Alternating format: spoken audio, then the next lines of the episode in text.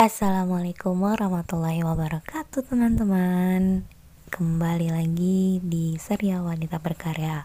Semoga di mana pun teman-teman mendengarkan podcast ini Selalu dalam lindungan Allah SWT Dan berkah juga limpahan rahmatnya. Amin ya Allah ya Rabbal Alamin. Pada episode kali ini kita akan ngebahas tentang PNS Siapa sih di sini yang mau jadi PNS? Cung coba. Nah, kira-kira uh, dari cerita Sasa ini menggugah nggak ya teman-teman untuk tetap semangat jadi PNS atau kayak jadi mikir ulang apa cari jalan karya lain ya? Oke kita langsung aja dengerin cerita Sasa ya. Yuk dengerin. Bismillahirrahmanirrahim. Assalamualaikum warahmatullahi wabarakatuh Sa Waalaikumsalam warahmatullahi wabarakatuh. Halo Nana. Pak gimana kabarnya sekarang? Alhamdulillah baik. Alhamdulillah. Sa, boleh kenalin diri dulu kali ya, biar teman-teman juga kenal siapa sih Sasa itu. Halo, nama aku Sasa. Aku sekarang kerja di Bapenas di Kementerian Perencanaan Pembangunan Nasional. Uh, di unit kerjanya Direktorat Perencanaan Makro dan Analisis Statistik. Jadi aku masuk itu kurang lebih uh, awal tahun 2019 kemarin. Jadi sekarang udah setengah tahun sih di Bapenas gitu. Berarti ikut CPNS yang 2018 ya saya? ikut CPNS 2018 terus uh, ikut prosesnya. Prosesnya kan lumayan lama tuh kayak bulan sekali tesnya. Jadi kayak tesnya kayak dari Agustus atau September 2018 terus pengumumannya baru Januari pengumuman Januari 2019 terus mulai masuk ke Bapenas itu Februari 2019 dan awal masuk ya belum mulai kerja sih jadi kayak masih orientasi gitu sebulan sebulanan baru efektif kerjanya itu per Maret 2019 wow cukup panjang prosesnya. Iya bener karena proses CPNS kan kayak ya maksudnya kan nasional. Mm -hmm. jadi jadi uh, memang tesnya kan pasti serentak-serentak gitu kan jadi akhirnya sebulan sekali kayaknya di ingat aku waktu itu tesnya kayak iya sebulan sekali. Bulan sekali tes waktu itu pengumuman kayak gitu. Dan sekarang lebih lama lagi kasihan yang CPNS 2019 ya. Iya. Ketunda saya saya bener-bener kepending kepending lama sih. Maksudnya um, karena kan sekarang juga corona gitu dan akhirnya corona. anggaran uh, anggaran kementerian juga banyak yang dipotong gitu maksudnya memang banyak diprioritaskan untuk stimulus untuk corona kan untuk masyarakat yang terdampak gitu jadi akhirnya untuk pegawai kayaknya memang memang di hold dulu sih sama BKN dan Kementerian RD ini. Iya iya. Uh, saya dulu kenapa mau jadi PNS, Sa? Um, kenapa mau jadi PNS ya? Sebenarnya sih kalau misalnya ditanya kenapanya, dulu itu kalau misalnya jujur, aku pas awal tes 2018 itu jadi kayak um, kan itu pertama kali aku tes CPNS. Jadi ya sebenarnya pengen tahu sebenarnya tes CPNS itu kayak gimana sih cuma memang tertarik sih kalau untuk kerja di kementerian gitu atau lembaga negara memang memang udah tertarik sebelumnya tapi karena dengar-dengar dari banyak orang dan kayak CPNS rasanya kita tahu kayak gitu. Kayak kayak ya udah akhirnya pas di tahun 2018 itu aku sebenarnya kayak terlalu berekspektasi tinggi juga gitu. Jadi ya udah tes tes aja kalau misalnya lulus alhamdulillah. Kalau misalnya enggak ya udah buat pelajaran. Terus pas lagi tes um, pertama kan tes CAT pas lagi tes CAT um, persiapan sebenarnya nggak terlalu nggak terlalu yang kayak sampai les-les gitu sih paling baca-baca aja. Terus alhamdulillah waktu itu uh, lolos tes CAT terus habis itu uh, selanjutnya kan langsung tes SKB SKB-nya di Bapenas bisa ngikutin sih waktu itu dan dan um, ngerasa ngerasa lancar mungkin karena nggak tahu apa mungkin udah jalannya. Dan sebenarnya dulu ada ada satu kejadian lucu sih. Dulu tuh sebenarnya aku kayak daftarnya Kementerian BUMN gitu ceritanya. Terus abis itu pas mau masukin uh, form registrasi yang masuk masukin data diri dan lain-lain itu kok nggak bisa bisa kayak kayak gagal terus gitu loh. Terus eh, sampai akhirnya aku tanya ke mama aku kan kayak gimana nih mah gitu. Kayak kok nggak bisa masukin registrasi ya di Kementerian BUMN itu ya coba aja cari uh, yang lain. Akhirnya aku nyari-nyari terpikir kayak oh ini Bapenas kayaknya tertarik deh. Aku sudah tertarik sama unit kerjanya sebenarnya yang aku pilih ini. Terus habis itu pas masukin Bapenas alhamdulillah bisa masukin di rezekinya ya saya iya gitu. Jadi kayak aku aku juga kaget sih kayak oh, kok pas Bapenas bisa pas Kementerian BUMN gitu nggak bisa? Akhirnya ya udah masukin ya alhamdulillah ternyata mungkin emang udah jalannya dari awal juga sih. Sampai hari ini. Itu sampai akhirnya pengumuman di Januari 2019 Ya berarti uh, kalau emang udah rezekinya mah gak ke mana gitu ya? Iya iya bener-bener. Itu juga aku udah jalani. masih masih flashback gitu kayak kok dulu bisa ya gitu kayak mau milih kementerian BUMN tapi kayak mungkin di emang udah bukan jalannya dari awal jadi nggak bisa terus apa ini dulu kalau nggak salah kan tiap mau masukin registrasi emang kayak kayak nguar gitu ya kayak rebutan kayak mm -hmm. uh, sinyalnya harus stabil terus habis itu buru-buru deh pokoknya. Jadi dan waktunya kalau nggak salah cuma dua minggu atau berapa gitu. Kayak mau daftar kuliah lagi nggak sih? Iya bener-bener kayak kayak bener-bener rebutan gitu malah masukinnya Iya, yeah. makanya aku mikir dulu mungkin memang karena apa dulu pas koneksinya nggak stabil, tapi kok kayaknya nggak juga, tapi ya mungkin emang udah jalannya gitu aja. iya, iya, iya. Tapi uh, setelah dijalani satu tahun setengah, berarti ya hampir satu tahun mm-hmm. setengah, itu betah, Sa? um, awal-awal jadi aku kan di uh, unit kerja aku namanya Direktorat Perencanaan Makro dan Analisis Statistik. Itu tusinya tugas dan fungsinya memang terkait uh, ekonomi makro Indonesia sih. Jadi kayak pertumbuhan, PDB, PDB sisi pengeluaran PDB di lapangan usaha dan macam-macamnya yang lain. Uh, dan itu memang ekonomi banget.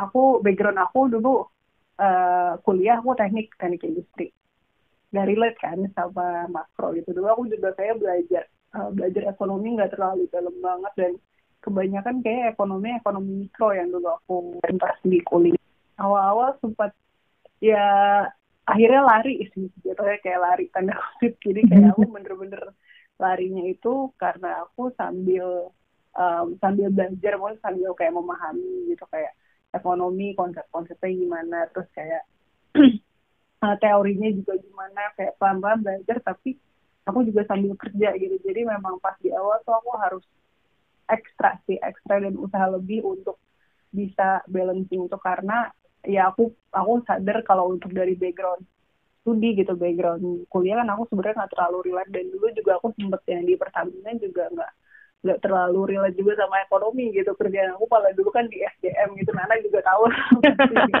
Kayak kayak maksudnya bukan bukan ekonomi lah. Jadi di awal-awal memang aku lari sih untuk untuk itu berarti adaptasinya cukup berat ya awal-awal. Tapi makin ke sini makin nyaman. Maksudnya makin enak bisa nemu flow-nya gitu. Masih sih. Eh masih sih. Iya sih. Jadi uh, setelah kayak hmm, maybe mungkin enam bulanan gitu kayak udah udah pertengahan tahun ke belakang yang 2019 kamu udah Agustus September aku udah mulai kayak ngerti flow-nya gitu. Jadi aku udah kayak oh kadang kayak gue harus larinya tuh di sini harus kayak bisa napas dulu ya di situ. Jadi kayak udah tahu udah bisa lebih ngatur gitu. Dan makin ke sini aku malah jadi kayak bersyukur sih. Karena di tempat aku di unit kerja aku itu bener-bener isunya kan isu-isu luas kan. Isu-isu luas terkait um, perekonomian negara gitu. Jadi banyak banget yang aku pelajarin dan nggak cuma dari sisi uh, ekonomi makronya aja, tapi juga kayak misalnya dari kayak dari fiskalnya juga, terus abis itu dari isu-isu lain kayak misalnya uh, perdagangan atau investasi atau misalnya juga dari jasa keuangan dan juga dari industri ya seperti apa gitu. Jadi kayak sangat luas sih dan jadi kayak banyak belajar juga sih. Jadi jatuhnya tiap hari itu kita kayak aku sih aku kayak banyak belajar hal baru baik dari ekonomi maupun dari sektor-sektor lainnya. Menarik, menarik, menarik. Uh, tapi kan isunya katanya kalau uh, eh, PNS itu kayak slow gitu ya kerjanya. Tapi kok aku kayak ngeliat kamu nggak seslow itu. Jadi itu gimana sih bisa uh, bener gak sih isunya atau itu kembali lagi ke orangnya masing-masing? uh, sebenarnya aku kayak bisa mau bilang itu itu adalah stereotipe yang kayak memang memang kayaknya mungkin dari dulu orang-orang udah mikir gitu kali ya gitu tapi uh, sebenarnya kalau bisa dibilang PNS santai sih kalau aku ngelihatnya setelah aku terjun langsung nih jadi PNS ya apalagi PNS di Kementerian Pusat gitu. Memang pekerjaannya uh, banyak sih dan tiap orang punya kayak spesialisasi kerjaannya masing-masing gitu. Jadi memang pembagian pekerjaannya rata. Dan kalau misalnya dibilang berat eh berat maksudnya sibuk sibuk ya sibuk gitu. Karena hampir tiap hari kayak nyiapin bahan untuk menteri misalnya atau bahan untuk deputi. Deputi itu eselon hmm. satu atau mungkin bahan juga untuk direktur. Direktur itu eselon dua. Jadi hmm. kalau misalnya dibilang PNS santai sih sebenarnya kalau misalnya pas setelah oh, dulu aku juga jujur masih mikir gitu pas sebelum masuk pas sebelum kayak kayak masih kayak jadi PNS kayak jadi PNS santai deh gitu. Tapi ternyata tuh ternyata pas setelah kita eh, setelah aku jalanin nggak nggak juga sih gitu. Kayak mungkin itu stereotipe yang udah ada dari dulu dan akhirnya udah kebentuk aja di mindset orang-orang. Dan hmm, akhirnya orang-orang jadi mikirnya kayak gitu. Padahal sebenarnya nggak gitu juga sih itu mungkin kalau misalnya PNS aku juga nggak nggak mau menyebut apakah PNS let's say apa ya PNS untuk um, untuk lembaga yang ukurannya lebih kecil maksudnya kayak yang di bawah kementerian dan lain-lain itu gabut kayak nggak juga sih karena tiap tiap lembaga itu sebenarnya punya punya tugasnya masing-masing gitu. Itu sih. Oh berarti emang uh, apa ya stereotipnya udah kebentuk terus akhirnya orang ya udah PNS aja deh kayaknya nyantai. Terus akhirnya daftar padahal pas sudah nyemplung nggak sesantai itu bos. Bener bener bener kayak uh, itu adalah salah satu menurut aku ya setelah aku masuk itu adalah kayak alasan yang sebenarnya salah kalau misalnya orang mau masuk PNS karena maunya santai gitu. Tapi uh, karena setelah dijalanin dan setelah cemplung langsung itu nyemplung langsung ke kolam gitu istilahnya. Kayak um, ya nggak ya nggak sesantai itu jadi kayak kalau misalnya jadi takutnya orang karena misalnya ini alas sama PNS ah gue mau ngomong PNS ah kayak santai gitu. Nah ternyata setelah masuk ternyata total sibuk gitu kayak misalnya kayak aku gitu. Uh, akhirnya dia jadi kayak stres sendiri atau capek sendiri gitu. Jadi sebenarnya kalau bisa mau jadi PNS mungkin alasannya kalau bisa jangan itu sih. Motivasinya motivasinya kalau bisa jangan itu. Jangan karena mau jadi PNS karena mau ke sana. Tapi misalnya mau jadi PNS karena misal mau di kementerian atau lembaga besar gitu karena misalnya pengen um, pengen banyak belajar tentang isu-isu negara isu-isu pemerintahan atau enggak pengen ibaratnya ya kalau misalnya dibilang berkontribusi ya aku juga ngerasa kontribusi aku juga belum besar sih tapi maksudnya kayak at least ingin memberikan sumbangan pikiran gitu untuk kayak apa sih sebenarnya yang ada masalah negara kita tuh apa sih gitu. Hmm. Berarti uh, pas jadi PNS tuh kepikirannya jadi lebih kebuka dari orang dalam gitu ya, lebih kebuka. Bener, bener sebagai wah negara ini lagi kacau nih dari segi ininya ininya gitu ya. Jadi kayak lebih tahu sih masalahnya ada gimana gitu.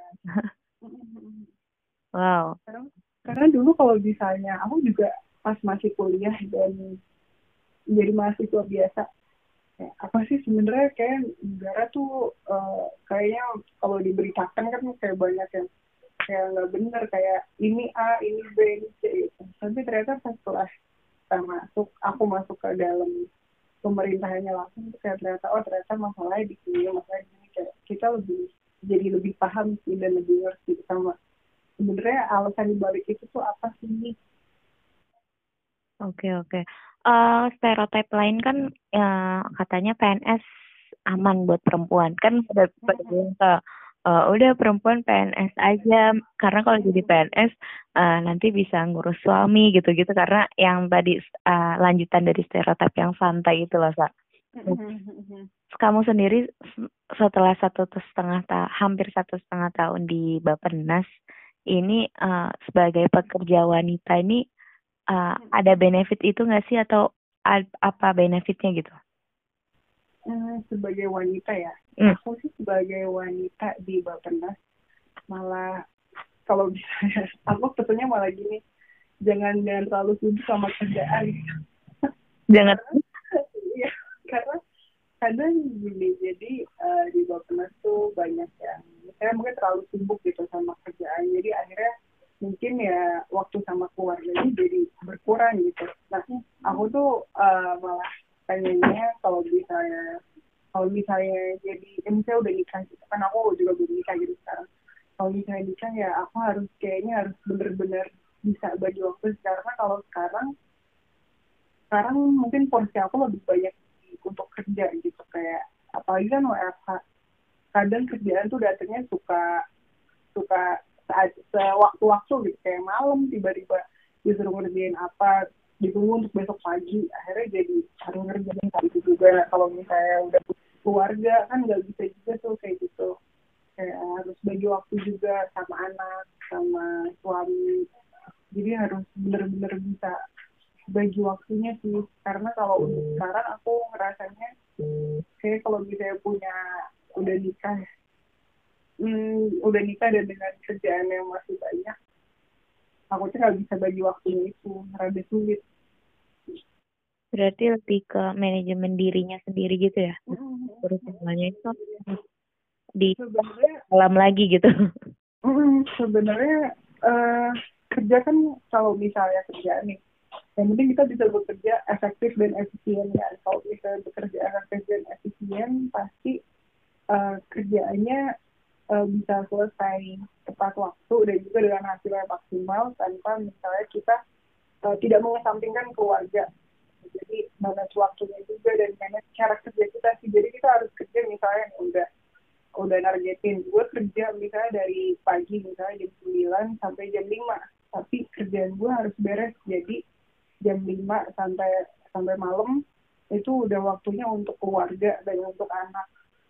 Nah itu itu gimana sih? Kayak aku sih aku harus banyak belajar untuk itu. Jadi gimana cara kita bisa bekerja efisien dan efektif dan juga tetap berkualitas dengan uh, waktu yang udah kita tentukan gitu. Jadi harus bisa bagi waktunya. Wow, menarik menarik. Tapi secara hak itu eh, mendukung pekerja perempuan kan? Dalam arti misalkan ada cuti melahirkan, ada cuti eh, ketenaga ker- eh, apa hak-hak ketenaga kerjaan sebagai wanita dapat kan ya? dapat sih kalau itu. Kalau untuk untuk cuti hamil ha- cuti hamil dapat. Hamil tiga bulan dapat. Terus kalau misalnya untuk mm, ruang ibu menyusui ruang ibu menyusui jadi aku sebenarnya baru pindah kantor baru pindah kantor di uh, Wisma Bakri. Eh, kayaknya sih kayak belum ada sih tapi kayaknya masih diproses untuk itu. Jadi kayak untuk yang lain-lain fasilitas ruangan gitu sebenarnya kayaknya masih belum ada sih karena masih ongoing. Jadi masih on proses kayak lagi eh, apa namanya di bener-bener gitu juga. Jadi kalau misalnya untuk hak lain kayak se- kayak cuti terus habis itu em, apa lagi ya tunjangan kayaknya aku belum menjalani itu sih tapi kayaknya ada kayak ada dan dan pasti diberikan untuk pekerja. Berarti eh, ada keadilan juga buat yang wanita itu kan maksudnya kayak nggak imba nggak timpang antara laki-laki sama perempuan itu sendiri. enggak enggak sih Oke, kalau dari Sasa sendiri eh, suka dukanya di Bappenas selama satu setengah tahun apa aja sa? Hmm. oh, eh, aku sambil cerita aja ya, aku nggak tahu ini suka atau duka. Oke.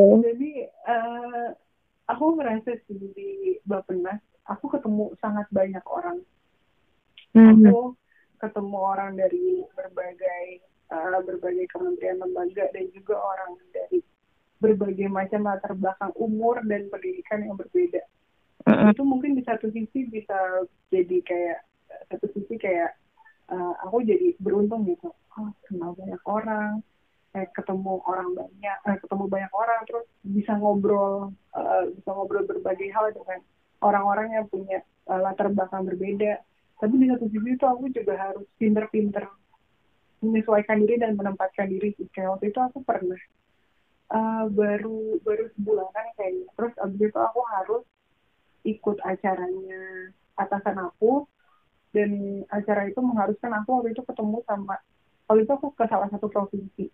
Terus aku diharuskan untuk kayak ketemu dengan eselon satu itu kayak pejabat eselon satu dan juga uh, gubernur provinsi tersebut kayak ya waktu itu aku sampai kayak wow ini kayak aku masih kayak anak kecil yang kayak baru kayak baru sebulan gitu di Bappenas terus harus ketemu orang-orang uh, yang lebih senior dan ya secara jabatan pun udah sangat tinggi gitu dibanding aku dan itu kayak aku jadi belajar banyak hal sih. Mungkin di awalnya aku pasti takut gitu kayak takut salah kayak aduh gue takut deh kayak misalnya salah ngomong ini atau enggak salah ngomong atau enggak salah ngelakuin ini gitu nanti kalau kalau berdampak gimana gimana gitu kayak kalau misalnya overthinking duluan malah jadi malah jadi kita yang nggak maksimal sih kalau aku gitu sih. Kalau misalnya kayak kalau overthinking malah nanti uh, outputnya yang keluar tuh malah jadi jadi nggak maksimal. Jadi waktu itu akhirnya aku lebih ke minta arahan sih kayak misalnya pak saya harus gimana? Gitu dan ikutin aja arahannya dan kalau misalnya memang ada yang nggak nggak dimengerti atau memang nggak dipahamin ya tanyain gitu. Jadi aku belajar untuk gimana sih caranya kita itu ya pokoknya jangan takut jangan takut salah dan jangan takut nanya. Gitu. kalau misalnya ada yang memang nggak dimengerti itu harus harus bener-bener tanya sampai paham daripada kita salah dan mungkin nanti kayak malah berdampak itu ke depannya kan. Dan, dan itu jadi pegangan aku sih sampai sekarang. Karena sampai sekarang pun aku juga banyak banget berinteraksi sama sama orang kementerian lembaga lain. Terus habis itu juga dari dari dalam Bappenasnya sendiri pun aku juga banyak banyak banget koordinasi dan um, ya itu sama banyak orang dari yang berbagai latar belakang pendidikan latar belakang umur yang beda-beda. Itu sih suka dukanya. Berarti uh, kalau sukanya lebih kayak wah ketemu orang banyak orang baru pembelajaran baru lagi gitu ya? Kayak mm. pengalaman baru lagi tapi dukanya kalau terlalu overthinking bisa outputnya bikin jelek dan bikin bad mood gitu ya jadinya. Iya jadi ya aku harus pinter-pinter menempatkan dan menyesuaikan diri sih. Dukanya dukanya apa ya? Ya dukanya paling kadang kalau bisa lagi deadline tuh terus atau bisa lagi bener-bener ditungguin banget kerjanya itu suka digangguin juga. Kayak itu kayak kadang digangguin weekend atau misalnya kayak sekarang WFH harus misalnya kayak kadang juga masih suka rapat sampai malam sampai jam jam sembilan jam sebelas gitu. kalau misalnya lagi kerja oh.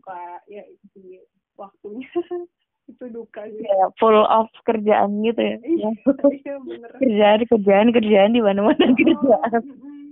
Apalagi kalau misalnya mau bisa ada menteri atau misalnya deputi atau misalnya atasan kita mau paparan gitu atau mau mau ada kunjungan ke mana terus kita nyiapin bahan presentasinya kayak gitu-gitu yang kadang tuh ya namanya kita staff kan harus ngerjain juga maksimal kan maksimal dan hmm. meminim meminimalisir adanya kesalahan.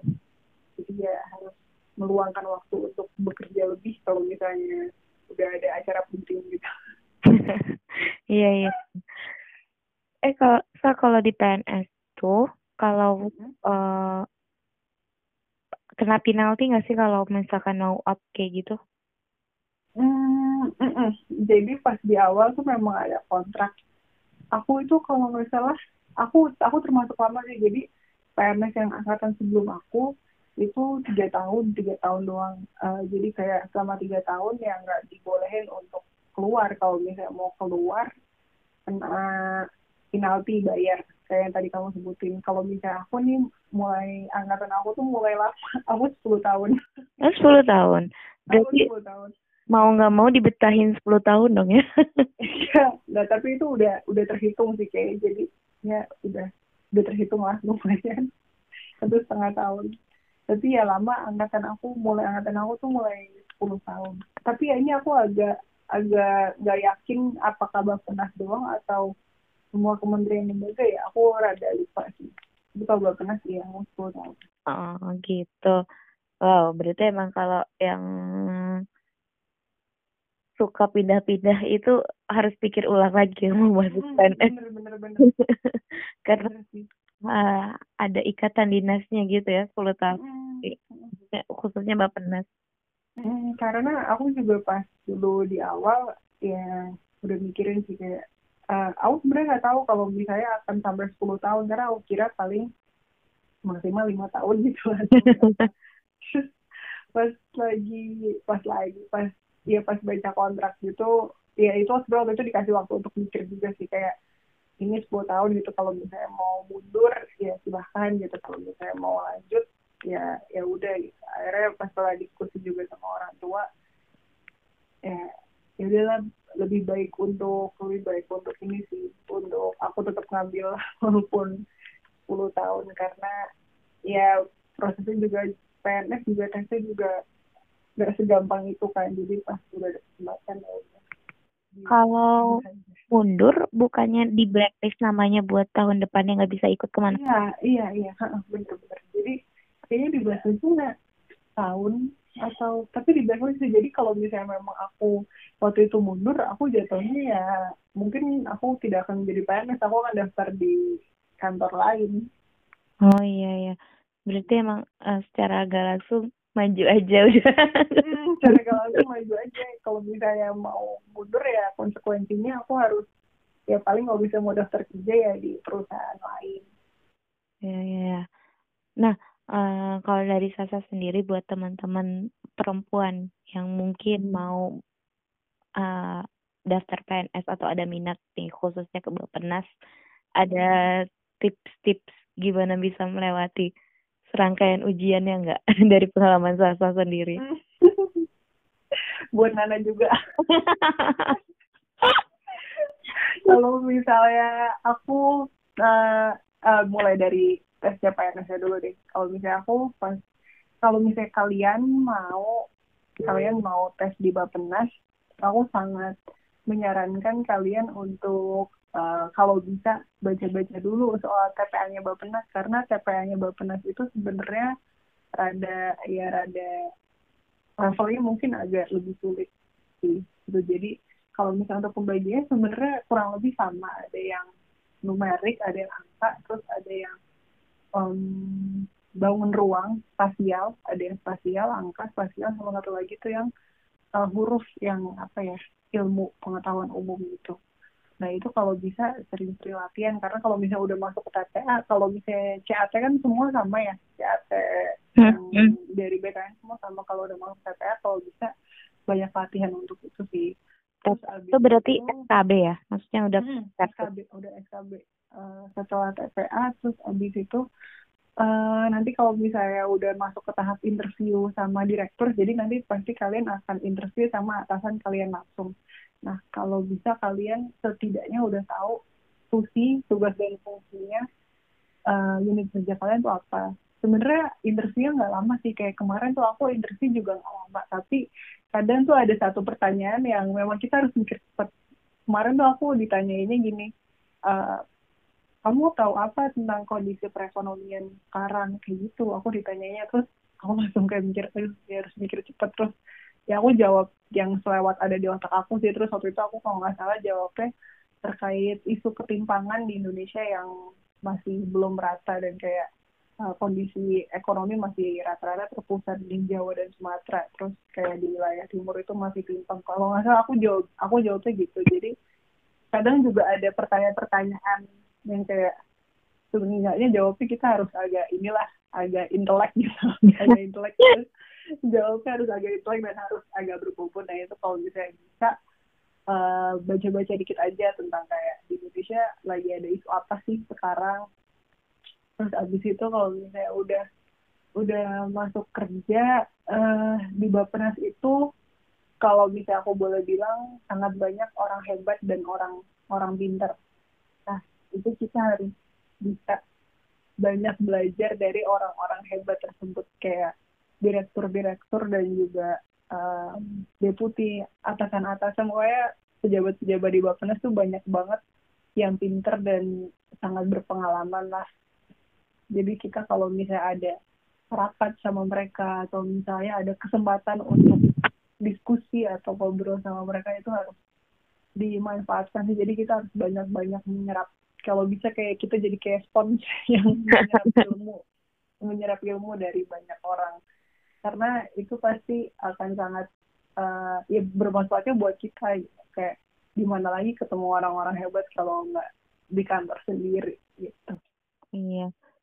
Dan dengar-dengar dari Sasa dulu pas cerita-cerita-cerita katanya Bapak Nas tuh lebih milih nggak nerima kalau nggak sesuai kualifikasi daripada menuhin kuota yang terpampang ya. Bener. Kayak pas uh, aku sendiri tuh yang awal CPNS 2018 seharusnya yang dibutuhin ada 150-an 150-an uh, kursi pokoknya. Pokoknya 150 posisi. Tapi akhirnya uh, yang diambil cuma 50 69 69 jadi yang berdasarkan CPNS itu 54 15-nya lagi itu dari STEM jadi total angkatan aku ada 54 yang based on tes CPNS nah um, sisanya itu ya aku mesti akhirnya. Jadi kayak di unit kerja aku sendiri kalau nggak salah dibutuhinnya tiga atau empat orang. Tapi akhirnya ya udah kosong cuma ada aku sendiri. Jadi banyak kepotongnya itu pas di kemarin banyak kepotongnya di TPA sih hmm. TPA banyak banget yang kepotong kayak hampir sepertiganya kepotong akhirnya sampai sampai akhir yang ke filter itu 54 orang aja. Itu jadi emang benar-benar orang pilihan ya di Bapunas akhirnya kalau nggak salah juga ada beberapa unit kerja yang misalnya butuh dua atau tiga orang. Terus nggak ada yang lolos sampai tahap akhir akhirnya ya udah dibiarin kosong gitu. Berarti untuk akumulasi tahun depannya lagi gitu ya untuk tahun depannya lagi. Wow menarik menarik. Nah berarti buat teman-teman yang emang niat banget mau jadi PNS apalagi Bapenas emang harus menyiapkan ikhtiarnya tuh lebih gitu ya kayak mm baca uh, seputar kondisi Indonesia mm TPA-nya kali emang. Iya itu sih. Jadi kayak harus harus banyak eh, seenggaknya kepo aja sih mungkin nggak harus kayak yang baca koran atau gimana. Kayak di Instagram tuh di sosmed juga banyak deh ya. banyak kan akun-akun yang suka eh, macam apa ya Tirto, asumsi, kata data kayak gitu gitu kan banyak yang kayak suka. Um, kayak seenggaknya ngasih infografis menarik terkait ada isu apa sih sekarang. Kayak misalnya sekarang ya corona terus abis itu banyak misalnya pemerintah udah ngeluarin stimulus fiskal sampai 600 triliun gitu kan itu pasti banyak kan. Mm -hmm. tergantung kita aja suka bacanya di platform apa. Kalau misalnya suka baca kayak di uh, berita mungkin kayak macam kita download Kompas atau misalnya CNN atau misalnya lebih suka prefer untuk baca di sosmed kan sangat banyak tersedia platform sekarang. Podcast juga bisa dengerin dari podcast iya sih benar karena sekarang semua informasi uh, terbuka luas tinggal kita hmm, benar, benar, benar. mau milih yang mana hmm. oke deh menarik banget sih soal obrolannya hmm Makasih Nana. Waktunya di tengah kesibukan eh, ditagi kerjaan. nah, mohon maaf atas segala kesalahan ya. Terima kasih. Iya, maaf juga kalau misalnya aku jawabnya mungkin kurang memuaskan atau malah jadi ceritanya ke mana-mana. enggak, enggak. Menarik, menarik. Insya Allah teman-teman yang mendengarkan juga uh, mendapat tambahan ilmu tentang gimana sih buat jadi PNS. amin, amin, amin. Semoga tertarik untuk ya mungkin kalau misalnya untuk berkontribusi kita bisa berkontribusi dengan cara yang masing-masing. Tapi kalau misalnya untuk jadi PNS, kalau bisa uh, ya itu untuk untuk Indonesia lah, untuk untuk negara kita. Man, negarawan. negarawan. negarawan. Oke Desa, terima kasih banyak ya Sa. Mohon maaf. Iya. Iya. Assalamualaikum. Waalaikumsalam. Alhamdulillahirrahmanirrahim. Menarik banget kan cerita uh, gimana Sasa untuk uh, bisa lolos jadi PNS dan bertahan sampai sekarang. Dan insya Allah akan terus bertahan, improvisasi diri lagi menjadi lebih baik lebih baik lagi. Nah, buat teman-teman wanita khususnya yang mau jadi PNS, semangat mempersiapkan diri, semangat uh, untuk meniatkan ibadah dan uh, apa ya, mengabdi kepada negara. Jadi uh, optimalkan luruskan niatnya juga uh, segala ikhtiarnya. Semoga Allah ridhoi Allah lancarkan dan uh, bisa menjadi CPNS tahun 2020 yang mungkin sekarang masih di ada kendala tapi bisa diangkat jadi PNS di tahun berikutnya. Amin ya Allah ya rabbal alamin Oke, nantikan serial wanita berkarya berikutnya karena insya Allah akan ada yang menarik lagi dan semoga bisa membawa manfaat buat teman-teman yang mendengarkan. Mohon maaf atas segala kesalahan. Uh, wassalamualaikum warahmatullahi wabarakatuh.